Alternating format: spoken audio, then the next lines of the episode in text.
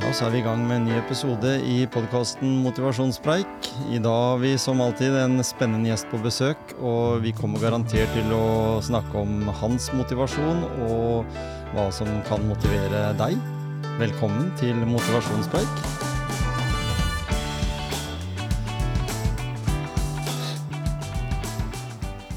Ja, og så er vi brått i studio igjen, og i dag så har vi fått tak i han som leder vel Hvis en skal si at eh, Grenland har tre aviser, så har du en av de.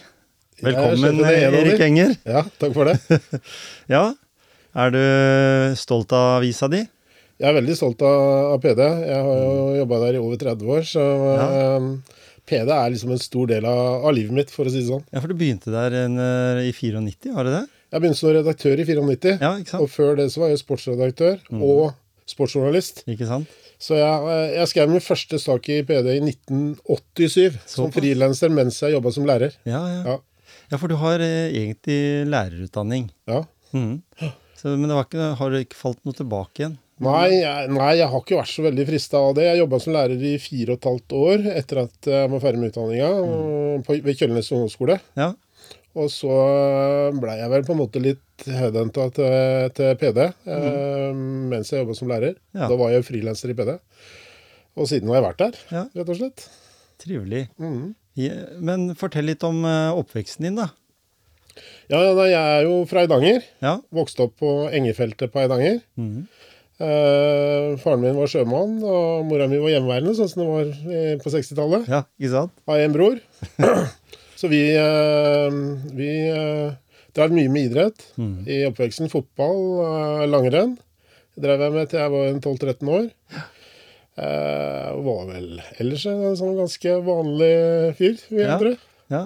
Fotballag var det som var, liksom, var Eidanger, eller var Uredd? Nei, det var Eidanger. Det var det. Jeg er ordentlig sånn Eidanger-patriot.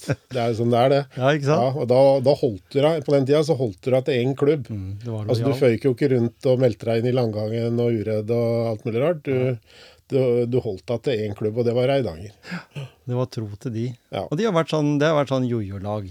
Sånn. Får inn en god trener, og så kommer det masse spillere til, og så spiller Ja, og så hadde jo Eidanger sin storhetstid på, på slutten av 80-tallet. Altså Mm. midt på 80 80-tallet. Så var Eidanger helt oppe i tredjedivisjon, altså på nivå tre, Ikke sant? på en måte. Ikke sant? Med Berby-gutta og en del av Roger Eng. Mm. En del av de som havna i J. Erik Pedersen. Ja. Der var jeg sånn vidt med. Ja. Men da, da begynte jeg på studier i Bø, og liksom ble egentlig for dårlig til å henge med på det greiene der da. Men det er fotball i eh, familien. Det er fotball i Dere- Du har jo noen øh, barn som har spilt litt øh, på Ja, jeg har to sønner. Eh, Han ene, han eldste Marius, har jo spilt i Odd en periode. Mm. Han har spilt mye på Års. Har jo faktisk over eh, 20 aldersbestemte landskamper, så Ja. han var jo god. Og så har jeg Fredrik, som har spilt i, litt i Porsche, og, og FK Grenland og Eidanger og litt rundt omkring. Hva syns du om fotballen i dag? da? Nå har vi jo hatt et tippeligalag i noen år. Ja. Eller Eliteserien, som det heter. Uh, syns du fotballen står sterkt uh, på samme måten som den gjorde den gangen du vokste opp? Jeg, jeg syns det Jeg følger jo mye lokalt. Jeg har jo dekt vanvittig mange kamper i, her i Grenland. Og klart, eh, jeg følger jo Odd. Ja. Men jeg har, jeg har kanskje ikke den samme Det blir liksom så mye at eh, eh, jeg, jeg ser liksom Odd på TV, men jeg, nå syns jeg på en måte at det blir for mange utafra, jeg, da. Ja, ja. Liksom, jeg føler liksom Før en periode så kjente du mange av de som spilte der, du hadde litt mer forhold Mm. til det. Nå er det så mye ut og inn, det er så mange nye spillere at jeg, jeg, jeg kjenner kanskje at jeg mista litt sånn interessen. Ja. Ja, sånn jeg alltid sa, jeg, jeg er holder jo med Liverpool. Ja, det er jeg òg. Ja, ikke sant? Ja.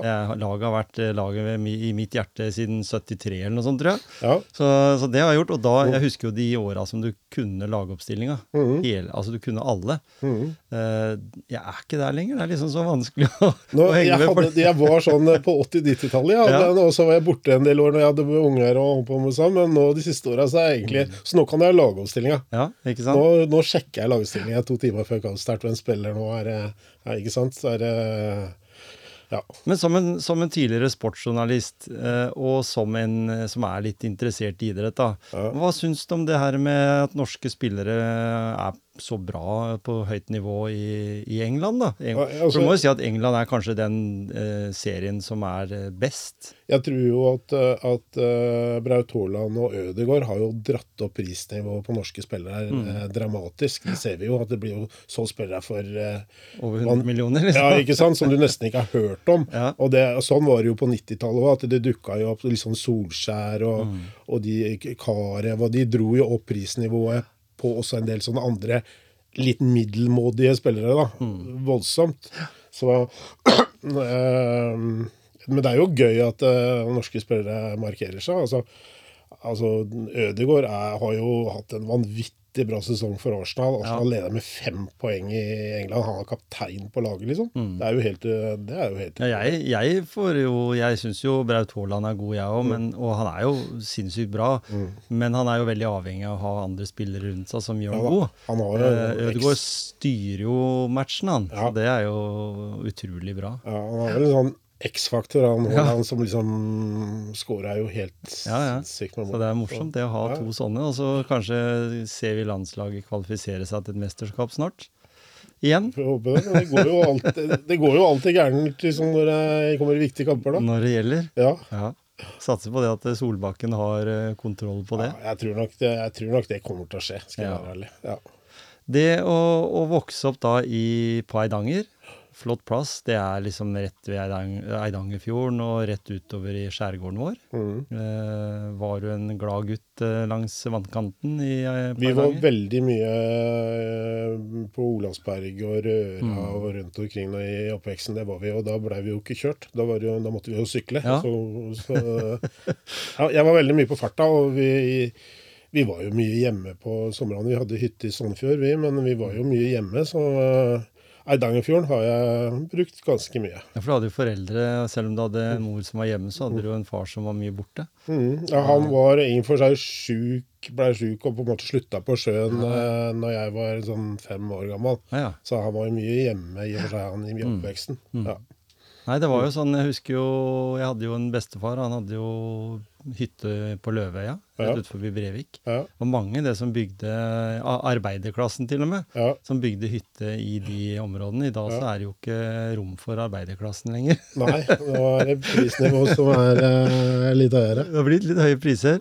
Men Eidanger-området, jeg sier sjøl, jeg sykla jo altså Vi hadde det jo sånn, jeg som guttungen, vi dro til Olavsberget. For det var der det var liksom var jenter å se på. Ja, ja. Bliva, da, som var liksom Skiens eh, sånn liten ferskvannskulp. Og så Ja. hadde du Fjærkilen, det var litt for mye bakker. ja. Så da var det veldig greit også å cruise ut til Olavsberget, egentlig. Så vi sykla jo ut dit for å bade, vi også. Fra, og, for det er jo egentlig sånn at Olavsberget var jo Skiens. Ja, det var, ja, ja. Skien som eide Olavsberget. Nemlig. Det var det. Det var litt sånn der, at, og sånn er det faktisk i Sverige enda. At hvis du har en strand eller et område, så, og det er innland, altså det er en by litt lenger inn i landet, så har de eierskap til den og ansvaret Men har for den. nå har de vel bytta, var det ikke noe sånn bytteavtale? Så nå er det Porsgrunn som er Olavsberget. Ja. Ja. Det er litt sånn, Porsgrunn og Skien er nesten smelta litt sammen. Er du litt sånn grenlandspatriot, eller er du Skien-Porsgrunn? Jeg må si at jeg er litt sånn Skien-Porsgrunn. Ja. Eh, ikke det at jeg har noe mot Skien, men som redaktør i lokalavisa i Porsgrunn, Ja, ja. Så må jeg være litt sånn patriot. Jeg syns det er litt gøy, da. Det er Det er mest for gøy. Og, og vi kaller Skien for eh, Nordbygda, og, eh, og vi liker å tulle litt. Da. ja. Og så har du en kollega, Ove Meldingen. Han er veldig sånn Skienselva, og du er veldig sånn Porsgrunnselva. Ja, den Skienselva vet jeg ikke hvor er hen, men uh, Porsgrunnselva heter det jo, selvfølgelig. Ja.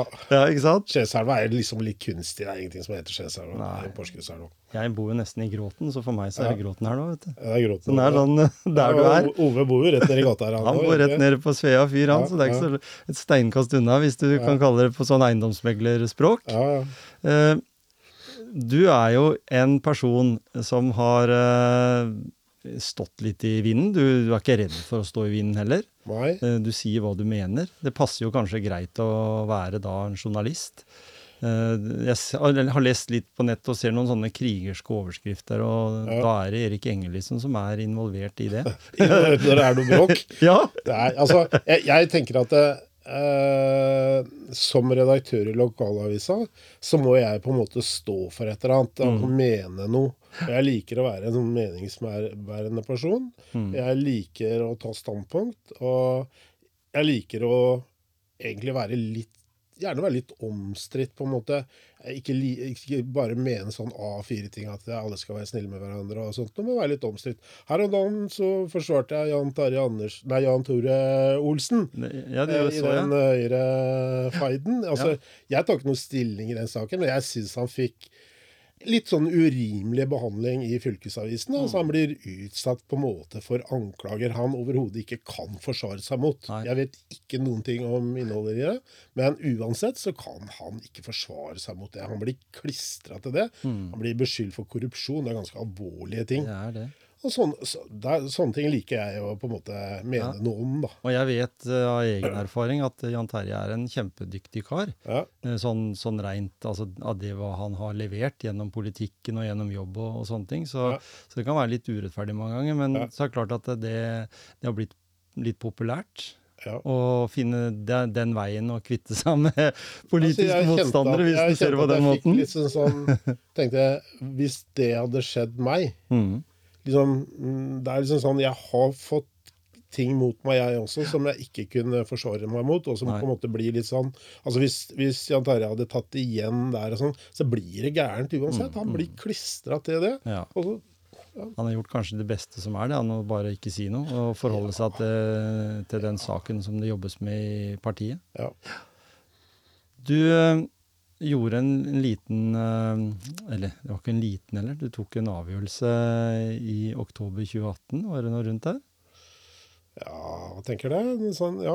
Da begynte du med Altså, hva, hva skjedde du den dagen du bestemte deg for at nå måtte du starte med noe fysisk for å gå ned noen kilo? For da har du jo sagt også at Ja. eh, du veide litt mer enn du behøvde. Jeg veide altfor mye. eh, og det hadde sniket seg på over tid. Jeg hadde hatt mye, altså, mye greier, og jeg har vært litt likegyldig til det. Eh, jeg vil ikke si jeg hadde noen store helseutfordringer, men jeg hadde høyt blodtrykk. Jeg hadde en runde med noe annet greier. Og var liksom sånn ikke sånn, Følte meg ikke sånn 100 eh, fit, liksom. Nei, nei. Jeg begynte å nærme meg 60 år og tenkte at eh, Det var litt sånn litt impulsivt. Det er sånn jeg er. Jeg er på en måte litt impulsiv. Jeg så reklame for ei pulsklokke, så tenkte jeg det hadde vært litt kult å ha. Og så bestilte jeg den sånn. Og så husker jeg første treningsturen. Det var jo for å ut og teste den pulsklokka. Mm. Eh, Det er ikke den, jeg har ikke kjøpt meg en bedre en. Ja, ja. Eh, og logga meg på Garmin og så hvor jeg hadde gått hen, om jeg hadde puls og alt sånt. Og syntes det var litt gøy. Mm. Uh, Og så begynte jeg egentlig, det var sånn impuls, jeg begynte å gå. Jeg begynte å gå en tur, og det var liksom sånn, jeg hadde ikke noe sånn bestemt mål om hvor ofte og hvor mye jeg skulle gå, men jeg begynte liksom å ta meg en tur i stedet for å sette meg i sofaen. Mm. Uh, Og så bolla det egentlig litt på seg. ja. Og så begynte jeg egentlig å gå mer og mer. Mm. Og til slutt så begynte jeg å gå fort. Og så holdt jeg på med det, og det liksom det- blei liksom mer og mer, og kiloet rasa av. Uten Ja. at jeg egentlig gjorde sånn Jeg, jeg skjerpa meg litt med maten, selvfølgelig. Mhm. Eh, men, eh, men kiloet begynte å rase av, og så tok det ene det andre. Og så plutselig en sommer da for Ja, nå var det kanskje etter halvannet år, tenker jeg. Så plutselig sånn helt impulsivt så begynte jeg å springe. Mm. Altså sånn jeg, Da sprang jeg 50 meter første gangen. Hadde jeg ikke springe på 25 år, tror jeg. Da tenkte jeg yes, dette der gikk jo fint, egentlig. Og så begynte jeg litt etter litt, og løp et par hundre meter. Gikk litt, løp litt, og det blei mer og mer. Mm. Eh, og ja. Kiloene fortsatte eh, også å rase av, da. Mm.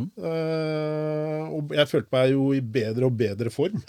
Og jeg, jeg, jeg liker jo litt sånn eh, eh, noen litt sånn tekniske ting og sånn, så jeg logga meg på Strava og liksom Ja. Så jeg syns det var litt motiverende, da. Inspirerende å, å, å gjøre det her der. Mm. Og da eh, Gisle sa seinest på telefonen her tidligere da, når jeg snakka med han, at han eh, hadde vært ute og trena med en fyr. Det var rundt 2019 eller 2020, og så, eller 2020, så, så, så, så sa Gisle eller Da hadde han sagt til han han trena sammen at er ikke det Erik Enger som står der? Så Ja. smal han så ut. Ja.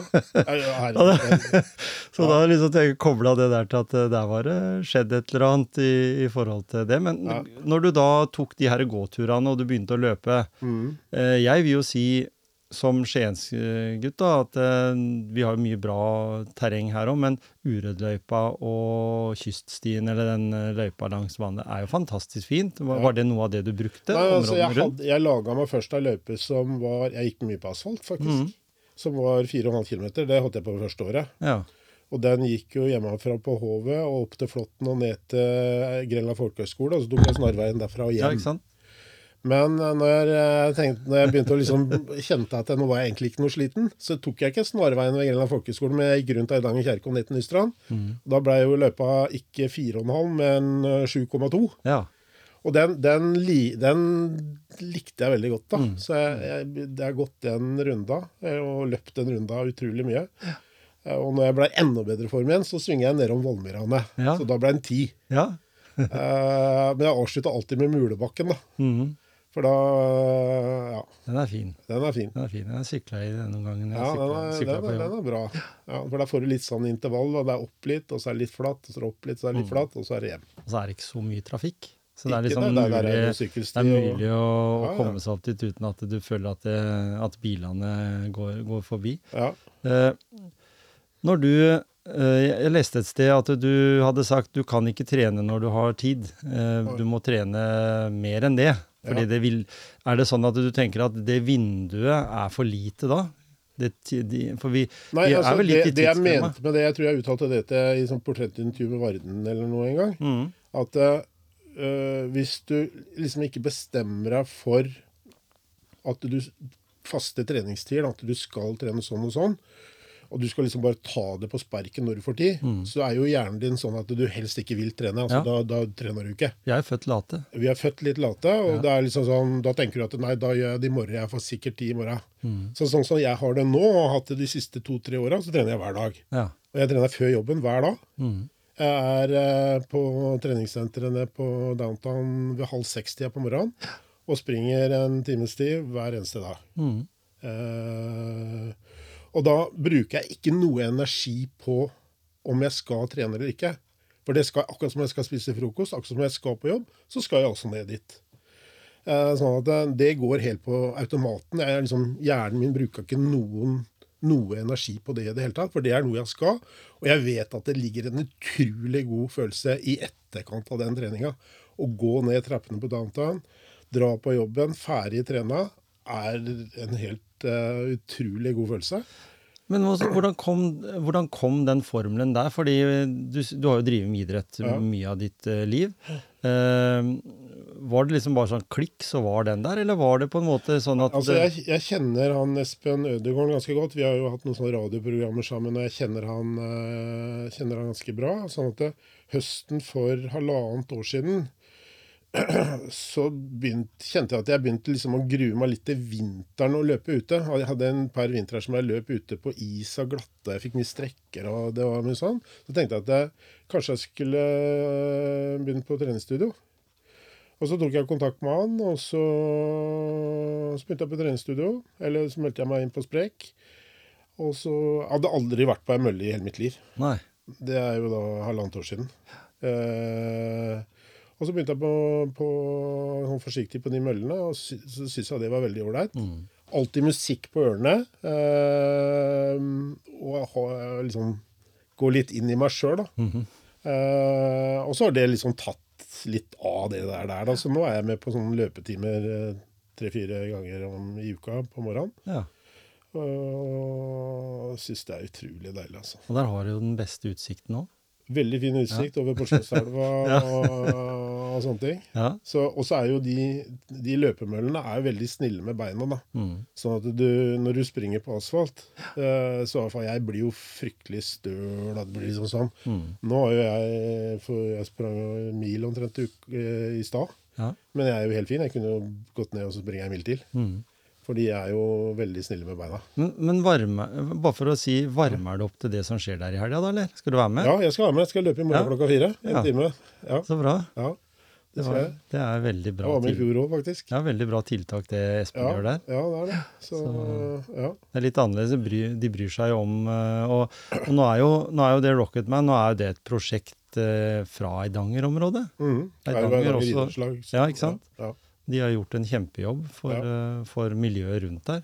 Etter flere som vi har hatt med her også i, i, eh, i podkasten, som eh, har fått tildelt en, en treningsdress fra Eidanger, og så Ja. har fått en annen livskvalitet bare av det. Så Kjetil og den gjengen der gjør en god jobb. Mm, Det gjør de. Jeg, jeg fant ut et ord som faktisk uh, Gisle Johnsen og jeg prata om. Uh, hva er kranglefanten? Kranglefanten er en eh, ja, Hva skal jeg si? Det er en, eh, en Det er satire. Mm. Det er satirehumor hvor vi hvor, ja, Nå vet jo alle at det er meg, for dette det er Ja, ja. blitt blåst. Ja. Så vi tuller med alt og alle, da. Ja. Ja, Det er en sånn tullespalte. Så er det noen ganger da noen selvfølgelig som blir fornærma og blir sure og sinna. ja. Men det er jo litt meninga, da. Det er vel det. Ja. Mm. ja. Og så er det, er det greit å parere med noe For det er ikke, det er ikke så alvorlige saker. Nei, Nei. det er jo litt, Eller- det er litt sånn samfunnssatire Ja, ja. Det er jo forsøk på det, da. Mm. Og jeg er jo klar over at noen syns den er drittdårlig, og det får jeg høre. Og andre syns den er helt, veldig bra. Så jeg får ja. masse bra tilbakemeldinger på den, og det er bra med lesere. Og det er eh, Ja.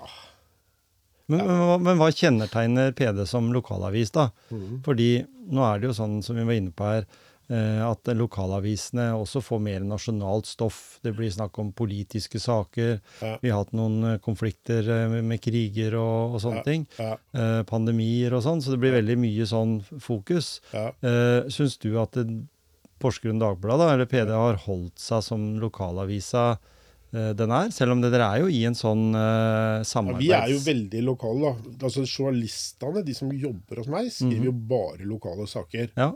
Og så tar vi inn litt sånn som vi kaller for Norge Rundt-saker. Eh, Det er jo, Til papiravisa er jo det egentlig for å for på en måte å fylle, da. Altså vi må eh, Papiravisa den må ha enten 16, 24, 32 eller 40 sider, eller 48 sider. Så åtte opp og ned. Og da er det jo ikke alltid du får Da er det noen ganger du mangler tre sider, Mm, hvis du skjønner. mm, Og da må du fylle det med et eller annet. ja. Og hvis du da allerede har brukt deg egen annonse, som vi kaller det, en sånn P, det er best i Grenland og sånt, ikke sant, på A-side, så kan du ikke ha fire-fem sider av det. Så da, må vi, da putter vi på. Og da Ja. putter vi på noe, på noe sånt som vi kaller for Norge Rundt-saker. Det er saker fra andre steder i Norge Mm. som har blitt godt lest. Det er jo sånn vi peller ut det, da. Sånn at folk her kan ha interesse av det. Mm. Og da er det jo alltid noen som sier at gjør dere har det for, liksom. Men det er rett og slett for å på en måte f- For å fylle ut avisa. ja, ikke sant? Ja.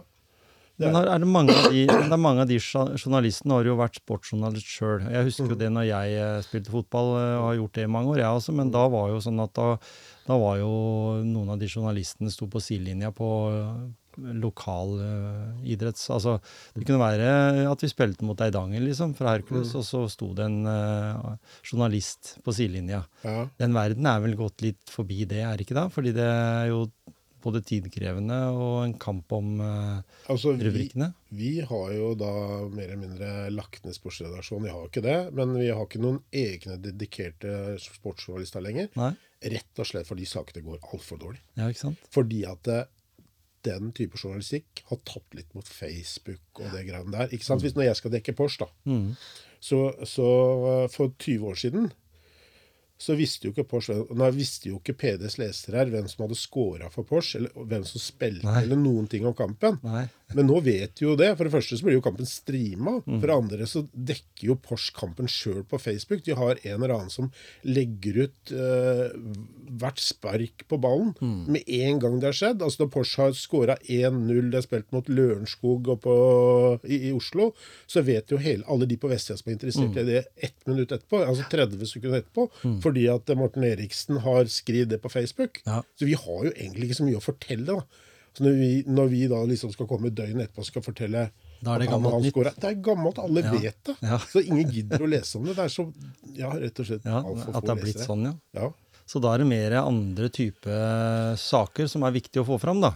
Ja, altså det vi, saker, lokalsaker. vi prøver å finne litt sånn som du har gjort nå. da, Finne en eller annen tjukkas som her litt. Og litt sånn, da. det, det er jo folk alltid interessert i. Ja, ja. Altså, eller noen folk som, sånn som vi hadde i går. Ei, eh, ei eh, 35 år gammel eh, jente som er jo, hun er jo råsprek, da. Mm. Som eh, er gravid, og som skal være med på Rocketman i morgen. Mange folk som leser sånn type saker. da. ja. Så leser om vanlige folk, hvordan vanlige folk griper tak i ting. Mm. God, og gammel, trener og- god gammeldags lokalstoff. Det som, Ja. det som igjen gjør at det Norge Rundt for eksempel, i- på Ja. NRK er en av de mest populære seriene og holdt på i mange, mange år. ja. Eh, men allikevel, da, når jeg tenker på avisa som format, mm. hvordan tror du den er om ti år? Nei, jeg er i hvert fall 100% sikker på at det ikke er papiravis om ti år. Mm. Det er, jeg, det er jeg ganske sikker på. Det er i så fall etter en sånn Det er ikke noen nyhetspapiravis om ti år. Ikke, jeg tror ikke Altså, jeg tror uh, vi- Kanskje vi snakka fem år, så er vi Thea Varde ned på Mm. én avis om, i uka. Hvor ofte er dere ute? Hvor ofte er er dere ute i tre papir? Tre dager i uka, ja. Men dere er jo på nett, så er dere er jo klart at syv dager i uka. Døgnet rundt. og, den, og den vokser, er det Ja, ja. sånn? Den vokser og I øyeblikket så har vi 65% av våre abonnenter har ikke papiravisa. Nei. De leser PD bare på nett. 65 og da er det bare 35 igjen. Ja. Ikke sant? Og av de 35, så er ca. halvparten av de leser også PD på nettet. Ja. Og da snakka vi kanskje om eh, 10-15% som bare leser Mm. papiravisa. Og, det er, og det er de som bare må holde i avisa til kaffekoppen? Ja, og som ennå ikke har liksom tatt det oppgjøret med seg sjøl. Ja. Det er den gjengen som var og leverte bankgiroen på skranka i banken. Helt, eh, det kosta 200 kroner. Ja. Da måtte de gjøre noe. Mm. Og da var de over på nettbank, de òg. ja, ja, ikke Ikke sant? sant? Når det ble for dyrt, ja. Det ble for dyrt. Men uh, du sier det, uh, nå er vi i motivasjonspreik. Ja. Og da har jeg lyst til å spørre, for nå har vi jo snakka litt om trening, vi har snakka om, om din, eh, ditt livsløp på en måte. ja. Eh, hva er det viktigste ordet når du tenker på det med motivasjon? Jeg, jeg, jeg, tenker at eh, motivasjon, det er noe du må skape sjøl. Mm, Du kan få inspirasjon av andre, men motivasjon, den må du ordne sjøl. mm, Og jeg tenker på det slagordet som står på veggen nede på Sprek. Det syns jeg som Frank Beck har sagt. Ja. Altså Der er det sjøl det kommer an på. mm, Altså Du må ikke skylde på alt mulig annet, at du liksom, jobben din tar ditt og datt. For å si- Skal jeg si det litt brutalt, da, som jeg sier til folk. Altså, Det er 24 timer i døgnet. mm. Jeg sover mellom seks og syv timer, og så jobber jeg kanskje åtte-ni timer. Da har jeg ganske mange, fortsatt ganske mange timer igjen. Hvis jeg bruker én av de timene til å trene, så får jeg et veldig mye bedre liv. Da. Altså, jeg som da over 60 år eh, på en måte klarer å holde meg litt i, litt, altså, i form, da. Mm. så får jeg jo livskvaliteten på de timene som er igjen da, blir jo utrolig mye bedre. Og altså når du sier at den bruker jo oppimot en seks-syv timer i døgnet på nett, Ikke sant? og mange av de timene også på mobil, så Ja, og så er det da- nok av tid. Ja, og så kan du si sånn som jeg gjør, da. Altså istedenfor da å sove om morgenen, så når andre folk står opp, da er jeg ferdig å trene. Ja, Og så er det egentlig noe du venner deg til. Jeg tror at det, mennesker er vanemennesker. Altså, du kan venne deg egentlig til alt. Mm. Altså, jeg, jeg tenkte på det når jeg var i, var, i, var i India. Altså Hvor folk lever i en vanvittig fattigdom. Altså, vi så folk som satt oppå store søppelberg der de bodde. Men de smilte og gliste og så ut som de hadde det kjempefint. Og så tenker vi her i Norge vi, vi drukner i rikdom, men er deprimerte og sure og grinte. Altså, altså folk venn- det, du kan venne deg egentlig til alt. Og jeg tror også det der med trening, det må på en måte bli en vane. da. Du må liksom ikke du må ikke se på det som et ork, og liksom, som jeg snakka om i stad. At det, ja, jeg skal trene når jeg har lyst. Du må lagre noen vaner.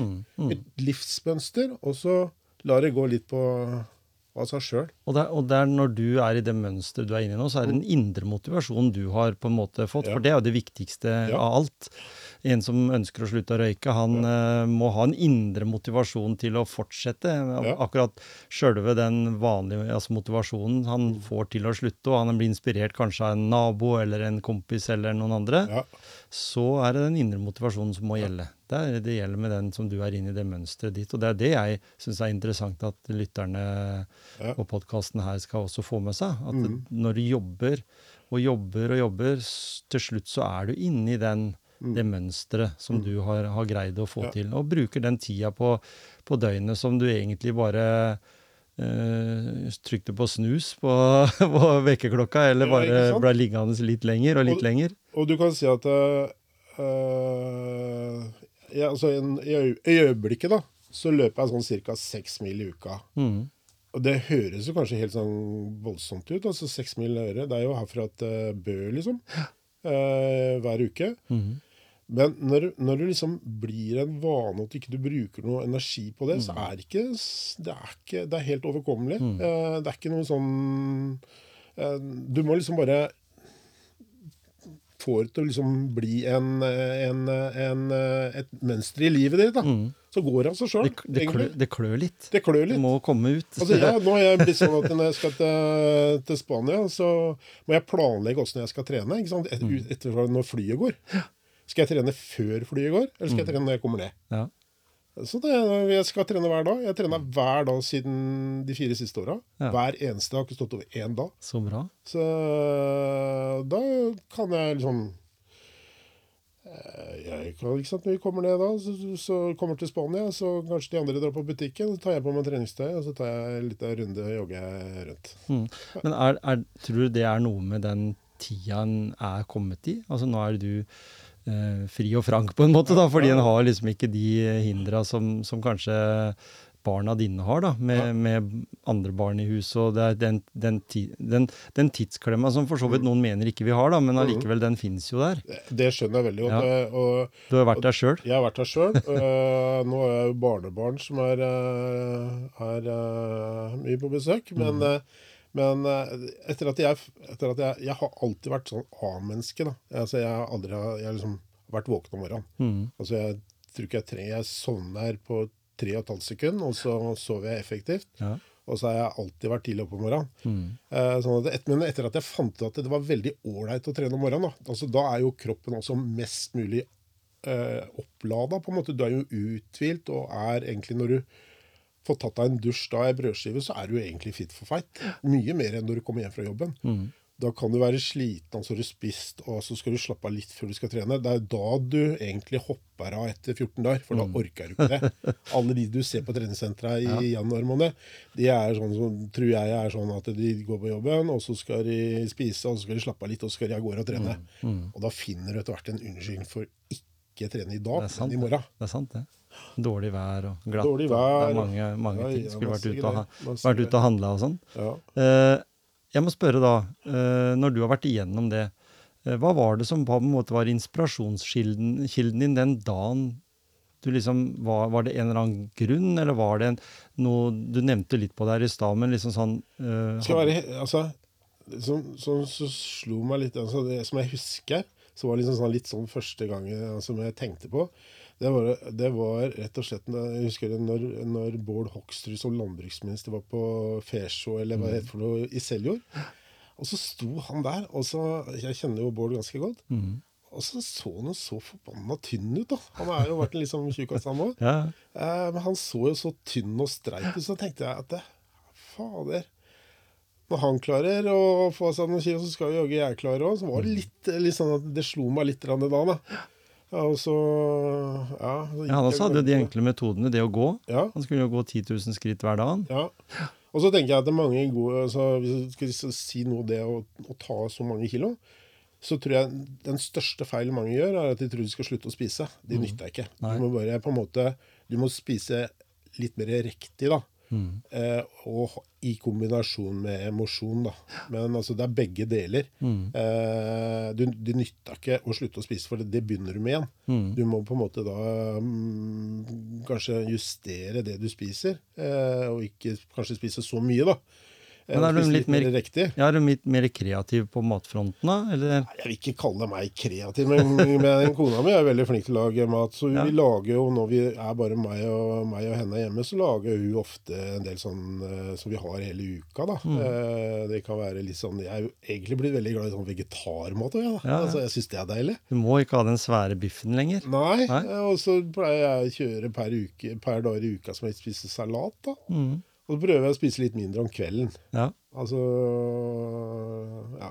Jeg får lest et sted at du eh, hadde Altså, da du undervurdert salat Ja. som, som mat, eller ja, som salat er jo fantastisk ja. Mm. deilig. Så jeg, jeg er jo ofte sånn kjøper cæsarsalat når jeg er ute istedenfor å kjøpe lasagne, da. Ja, ja.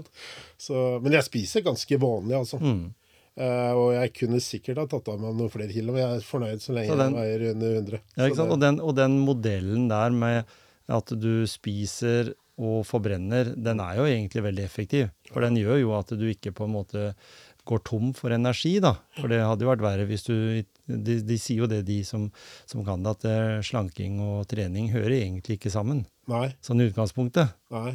Og du kan si at jeg, trener jo ikke for å springe Oslo Maraton på Nei. en eller annen tid. Jeg trener egentlig kun for å holde meg i form og, Mm. og sånn. Og er på en måte Jeg vil kose meg når vi er i Spania, så er vi ute og spiser og tar meg en øl. Og jeg er ikke noe sånn fanatisk på noen som helst måte.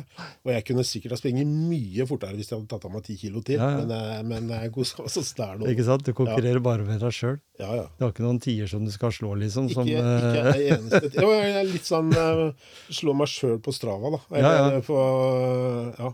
En- Enkelte, Det sier jo jeg også sjøl på klokka mi, liksom. Jeg Ja. bruker jo Garmin Connect og sånn, og så Ja. ser jeg jo da at hva har jeg gjort denne bakken her for når jeg er ute og sykler, da. ja. Hva har jeg sykla den bakken her på før? Og så går jeg inn og så ser, og da får jeg en sånn medalje opp her at du er raskeste tida på den. ja Det er litt sånn målsetning eh, en har.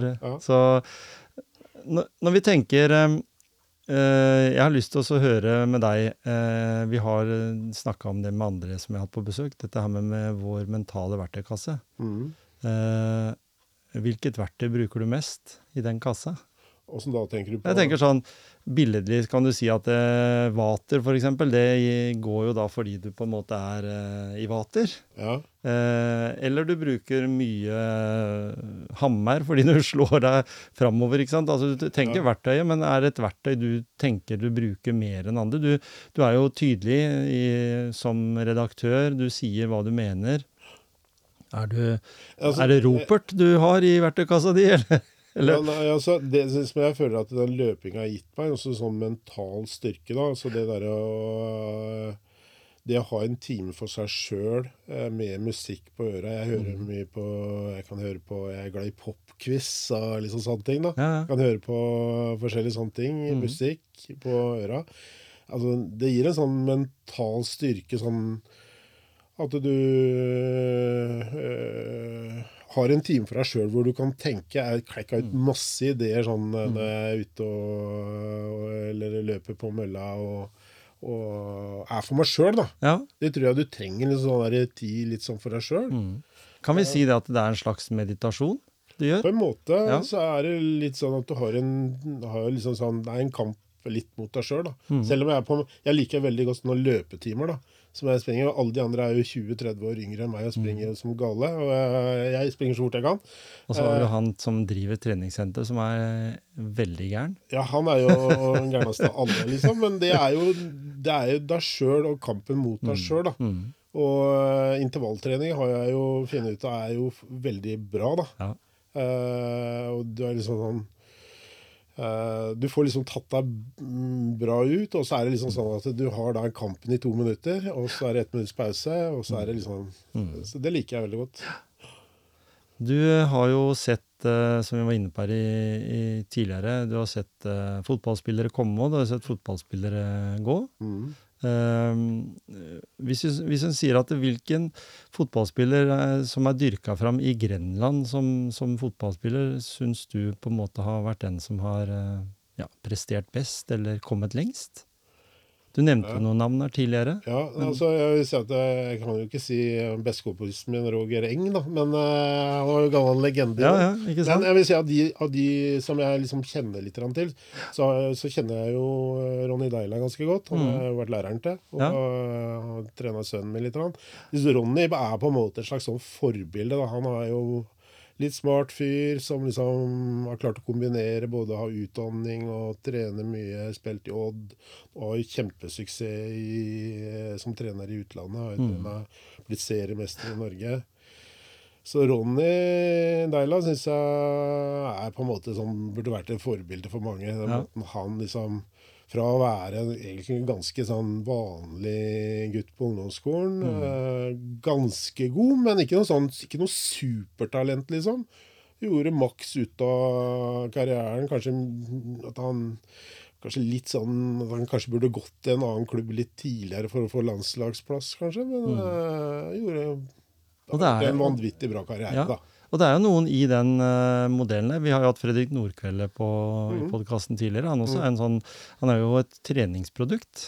Ja. eh, fordi er litt samme type, ja, da. for en det måte. var liksom ikke noe sånn landslagsaktuelt i Nei. barne- og ungdomstida, og så plutselig så blomstra han når han var i Han, sa faktisk, han var jo innbytter på Porsche i flere Ikke år. Og Fagermo trena Porsche øh, når han var 18-19 år. Ja, ja. Han jo altså Martin Ødegaard spilte på Strømskog da han var 14. mm. Ikke sant? Så han var jo en uh, er det for noe? Late bloomer. Ja, ikke sant? Ja. Uh, vi har Telemarksmodellen, den jobber jeg jo veldig med. Mm. Eh, I fotball så er det jo sånn som alle andre idretter at den trenger noen eh, forbilder for å bli god. Eh, sånn som i Odd, da, så tenker jeg at der har jo veldig mange spillere utenifra nå, for de har jo en trener også som kommer utenifra. Mm. Det har vært mye sånn telemarkinger og andre Mm. som har vært liksom veldig tro til 4-3-3 og Odd og sånn. Mm. Eh, tror du det er eh, en, en frisk pust at Odd gjør eh, kometkarriere i år, eller trenger de et par år på seg nå til å bygge nytt lag? Jeg, jeg er litt redd for at den nye linja hvor det er øh, færre telemarkinger og flere folk utafra, mm. eh, kommer til å gjøre noe med interessen. Det tror jeg vi så allerede i fjor. Jeg tror folk liker godt også å se telemarkinger som eh, Og folk de kjenner, da. Mm. Det er litt sånn. Eh, jeg jeg syns det blir litt lite telemark og litt mer sånn det er så, spillerne har så mange spillere ut og inn, lån eh, altså du, du får liksom ikke noe forhold til det Nei. synes jeg. Så jeg er litt, jeg er litt bekymra for interessen rundt Odd. Ja. Selv om jeg egentlig er veldig imponert over sluttresultatet i fjor. Altså Ja, ja, At de kom så eh, høyt på tabellen, var egentlig, synes jeg kanskje var litt overraskende. Mm. Ut fra Altså De har jo på en måte et mannskap som ikke har kosta mye penger. da. Mm. Altså De har jo henta Baco henter jo mange spillere nesten gratis og, Ja. og sånn. Og fått, lure sånn. fått mye ut av pengene, da. Mm. Men, øh, men øh, jeg syns kanskje at Odd øh, ved liksom å hente litt sånn, så mister de litt sånn profiler, og det er jo det, det, er jo det folk kommer for å se, da. Mhm. Rundt elva og i Porsgrunn så er det jo som i Skien også mange sånne lokale små klubber, da. Ja. Eh, Men i Porsgrunn så har det vært faktisk mye flinkere til å dyrke fram talenter. Vi har jo Mm.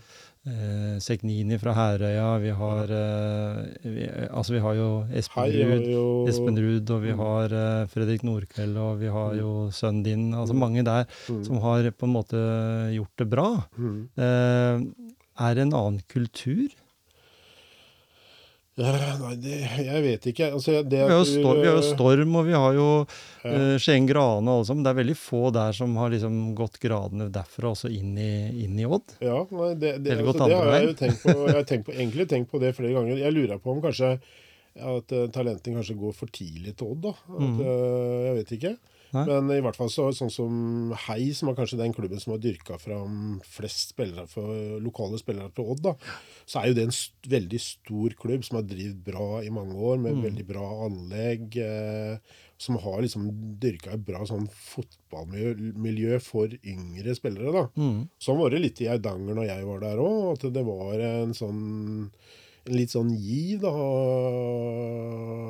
Litt sånn kultur. Det var liksom sånn litt fotballkultur. Jeg husker jo det starta liksom med sånn eh, på slutten av 80-tallet, når de Berby-guttene hadde et miljø der ute, som det ble, kom fra masse gode spillere her Mm. i etterkant av det miljøet. Altså Erik Pedersen, Roger Eng, Bakerø, Ole Martin, han er jo i Odd. Det var jo liksom en del sånn som blomstra i etterkant av det miljøet, da.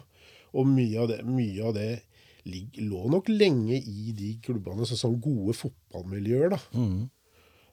Uh, og etter, etter, det igjen så var jo Ronny var jo, Ronny Deila var jo trener for Team Porsgrunn. Ja, kom det jo en det kom mye. spillere, Mm. som gjorde Og ganske bra, da, i hvert Og Ured hadde jo, har Ja. jo også veldig bra. Det er, det er Ja. mange gode lag rett under, uh, under Odd i forhold til det Men det er et spesielt fenomen det at det på en måte at ikke Skien klarer å få fram på en måte flere spillere som spiller i Odd. Nå har jo kommet en del i siste. altså De er kvitt Alano og guttene fra Gulset. og Det Mm. Ja. har jo vært en del. Men det er også sånn utenbys. Altså Ja. Det er liksom Gulset som område. Det blir liksom litt som. Herøya eller som Heistad eller som sånn bo, boligområde, da. Mm. Sjølve, sjølve byene. Det, og, Ja. og Porsgrunn har jo Pors på den ene sida, Uredd på den andre. og det er Ja. jo... Hva tenker du om eh, politikk? Jeg har lyst til å avslutte med det. Fordi eh, vi er jo, det er jo Arbeiderpartistyrt både i Skien og Porsgrunn. Mm. Eh, og de er litt sånn i tottene på hverandre. Ja. Eh, enten noen vil bruke penger på det, og andre på det. Ja. Eh, og du som da avismann eh, ser det på litt mer på kroppen kanskje, men jeg tenker eh, arbeiderklassen er jo, fins jo ikke lenger. Nei. Men den kulturen er allikevel kanskje sterkere i Porsgrunn enn i Skien? Jeg tror nok den er sterkere i Porsgrunn, for at du har liksom Herøya og mm. det greiene der. Sånn at eh, Arbeiderpartiet har jo på en måte sånn tradisjonelt sett stått veldig sterkt i Porsgrunn Mm. uh, fordi at det er uh, tilknytning til Herøya, da. Ja, for det er bare en generasjon siden. Det var Mm. liksom foreldre som i hvert fall én eller kanskje begge jobba der. Ja, ja, ja, det var jo fire, mange var jo 4000-5000 som jobba på Herøya på det meste. Og de, om ikke du hadde det på Herøya, så hadde du det på Porsgrunn Porselen eller på Norrøna, eller det var masse industri langs, Ja, ja. langs Og, elva der. og ofte i, i sånne byer da, så er det en slags polarisering. Mm. Altså, det er jo da også en del som havner på høyre, altså på Frp. Ja. Altså sånn protest, på en måte. Altså Frp òg har jo masse folk fra arbeiderklassen, liksom. Mm. Uh, så jeg tror kanskje Porsgrunn var mer sånn mer eh, sånn industri enn det Skien er, kanskje. Mm. Det Skien er jo også kanskje en større landbrukskommune også. Ja. At det, ble, at det ble Det har alltid vært sånn storebror-lillebror-kompleks mellom, mellom byene. Ja, Eh, Selv om jeg syns Porsgrunn har gjort mye riktig da, i forhold til det Skien ikke har gjort. Blant annet så er jeg veldig glad i å sykle. ja, Syns Porsgrunn har kommet seg veldig. De er flinke til å lage sykkelveier. ja. Eh, og, og det kommer jo bare mer og mer av det. Og det er jo mye finere i Porsgrunn sentrum enn der i Skien sentrum. Ja, ikke sant? Det er, det er, det er Ja, ja. en objektiv sannhet. Det er det. Ja. Tatt vare på det grunnleggende. Og det er jo mindre tomme lokaler, hvis en skal gå i den krigen der. Så tenker jeg at, eh, at eh, i Porsgrunn så har politikerne tort å gjøre en del ting som det har Mm. vært litt motstand mot, da, men som likevel i ettertid har vist seg å være riktig. De har gjort noe med området rundt elva, f.eks. Mm. Med rådhustrappa. De bygde kulturhus nede ved elva. De har bygd ut uh, Brassberg brygge der med leiligheter nedover langs elva. Mm. Uh, I områder hvor det egentlig har vært litt sånn Ikke slå, men ikke vært så fint. da, Som Mm. har på en måte gjort at det hele den elvegreiene nedover i Porsgrunn har jo blitt veldig fint, Ja. egentlig. Mm. Gjort det, Koselig. utnytta det maks, Ja, det av hva de kan det gjøre. på en måte bra, da. Hva, Mer enn det jeg syns Skien har gjort. ja, ikke sant? hva tror du om eh, det valget vi går inn i, da? Kommunevalget. Det kommer jo tuslende nå etter hvert, etter sommeren. Ja. Nei, jeg, jeg tror at eh, for Porsgrunn, da, så tror jeg at det kommer til å bli et helt Det er helt åpent om eh, Jeg tror faktisk at, at eh, Arbeiderpartiet risikerer å miste makta Mm. i Porsgrunn. Eh, nå har de jo råka ut med sa sine samarbeidspartnere de siste åtte åra. Ja. Så spørs om de finner tilbake til hverandre. Mm. Høyre er jo liksom litt sånn på offensiven. De har jo medvind fra sentrale målinger og en ny kandidat, eh, Anne Katrine Syversen. Og har jo helt klart målsetning om å, å overta makta i Porsgrunn. Ja. Så jeg vil tro at det er ganske åpent, mye mer åpent enn det det har vært før i Porsgrunn. Kan, det- kan det ha litt innvirkning på den, eh, nasjonale prestasjonen, hvis vi kan kalle det det? Hva Ja, regjeringa har gjort? At det påvirker lokalt også? det påvirker masse lokalt. Det, det, og det, det har vi sett før òg, men, men Porsgrunn har jo på en måte alltid ligget sånn rundt 10% over det det ligger på nasjonalt. da. Mm. Men hvis du da sier at det ligger på 16 nasjonalt, og 25 i Porsgrunn, så er det tilbake 15 omtrent. Ja? Altså i hvert fall 10 Ja, for det var jo, altså Arbeiderpartiet i Porsgrunn var jo liksom 50 nesten. Det var liksom Nesten alle Ja, altså, var ikke mer enn øh, åtte år siden så hadde Arbeiderpartiet, når øh, Kåss ble ordfører første gang, så hadde Arbeiderpartiet 41 Ja, eller noe sånt ja. av stemmene. da. Mm. Vi det er snakker jo om den som vi snakker om i stad, den med arbeiderkulturen. Ja. At den holder seg eh, tro til det, men at den har, føler seg litt svikta, kanskje? At det er litt Jeg sånn? tror altså Robin Koss er en utrolig dreven politiker. Og, ja, så, litt sånn Litt kompromissløs. Altså, Han har jo Mm. råka litt ut med forskjellig, men han har jo gjort, han har gjort en vanvittig bra jobb for Porsgrunn. Det er Ja. ikke noe tvil om. Det, det mener jeg, uavhengig av politisk ståsted. Så, Mm. så er Jeg hadde jo mye kontakt med han under pandemien, hvor vi på en måte informerte publikum om smittetall og gud vet hva. Altså Fyren jobba jo døgnet rundt. og å ha Porsgrunn i sitt hjerte, da, så kan du være enig eller uenig i mye av det han gjør, men han, han står på for byen sin, i hvert fall. Du har jo også et ta annet talerør i eh, Porsgrunn, som han Espen Ellingsen har. Mm. Eh, Elveposten eller noe sånt, er ikke det sånn? Der tar de opp veldig mye sånne Ja. ja, politiske ting, da. Ja. Eh, kan det bli litt for eh, hett og kranglete noen ganger, eller syns du det er gøy også å lese om eh, krigen? Eh, Nei, for det er jo litt- nei, det jo litt sånn krigssituasjon. si Det er jo kanskje litt i glasshus, for jeg syns Espen går langt over streken. Ja, ikke sant? Det syns jeg. Men han er, Espen er jo flink til å skrive. Han var en tidligere journalist. Ja. Espen er flink til å skrive, men jeg syns på en måte kritikken, særlig den eh, den eh, eh, Hva skal jeg si eh, Greia han har med, med Koss og med Jeg syns jeg på en måte har tatt litt av Jeg synes han Han tar det litt, litt langt. Litt langt. Men, men, Ja. men jeg, jeg som da politisk engasjert mann, jeg kan jo innrømme at jeg er Arbeiderparti-retta egentlig, men jeg er litt sånn eh, politisk vinglepetter òg. Mhm.